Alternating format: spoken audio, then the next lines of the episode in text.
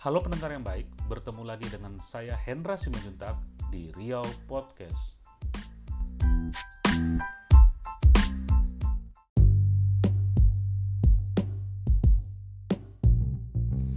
Saya bertanya-tanya, sebenarnya apa sudah ada kajian ilmiah yang menghubungkan penyekatan jalan umum dengan kasus COVID-19 di Indonesia?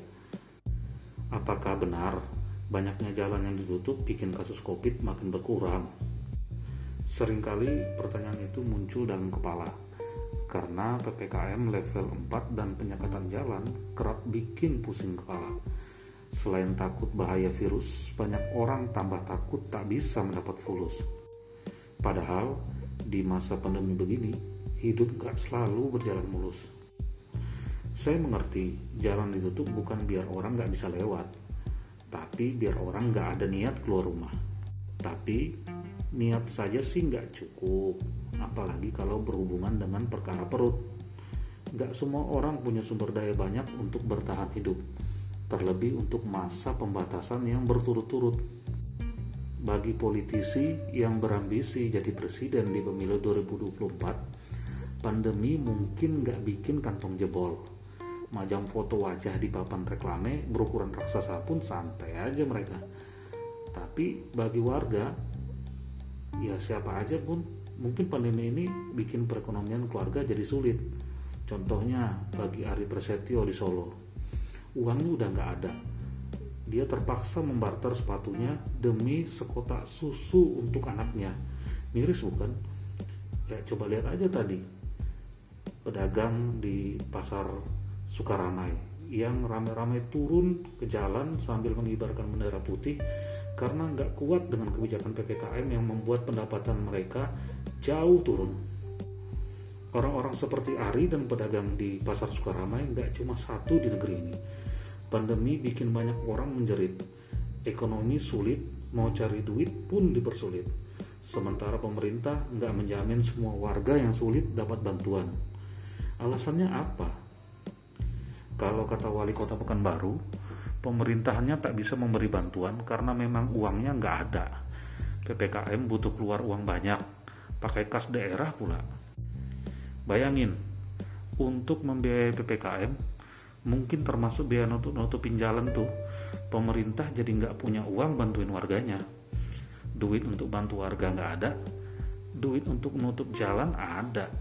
Nggak dapat bantuan warga terpaksa keluar rumah eh dicegat dirazia disuruh tutup usaha pula padahal kalau biaya makan minum dan kebutuhan lainnya terpenuhi saya yakin warga nggak bakal ambil risiko tertular penyakit di luar rumah Nah, soal bantuan-bantuan ini sih sebenarnya udah ada jalannya ya.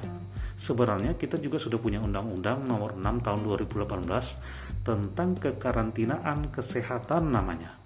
Undang-undang ini diteken oleh Presiden Joko Widodo 7 Agustus 2018 lalu. Nah, di undang-undang ini jelas dibikin untuk menjawab kondisi pandemi seperti sekarang. Tapi nyatanya pemerintah terkesan enggan memakai regulasi yang dibuatnya sendiri kalau memang nggak niat dipakai mending nggak usah dibuat sekalian kan Pasal 6 mengatur dalam undang-undang itu, pemerintah pusat dan pemerintah daerah bertanggung jawab terhadap ketersediaan sumber daya yang diperlukan dalam penyelenggaraan kekarantinaan kesehatan. Lalu pasal 8-nya mengatur begini, setiap orang mempunyai hak mendapatkan pelayanan kesehatan dasar sesuai kebutuhan medis kebutuhan pangan, dan kebutuhan kehidupan sehari-hari lainnya selama karantina. Nggak cuma pangan, kebutuhan pakaian, perlengkapan mandi, cuci, sampai buang air warga pun dijamin dalam undang-undang ini. Nggak kalah penting, hak menerima layanan itu harus diberikan adil dan merata untuk semua orang. Jadi bukan orang yang dekat sama pemerintah aja atau yang punya akses dekat kekuasaan saja tapi untuk semua orang. Kalau semua udah dijamin, nggak ada alasan bagi warga keluar rumah, kecuali pekerja sektor esensial serta yang sifatnya darurat yang juga dibolehkan oleh pemerintah. Kalau cuma nutupin jalan tapi nggak memberi layanan seperti yang diatur undang-undang, ya percuma. Jalan nangka ditutup. Orang bisa lewat jalan musyawarah kok yang di samping Transmart itu.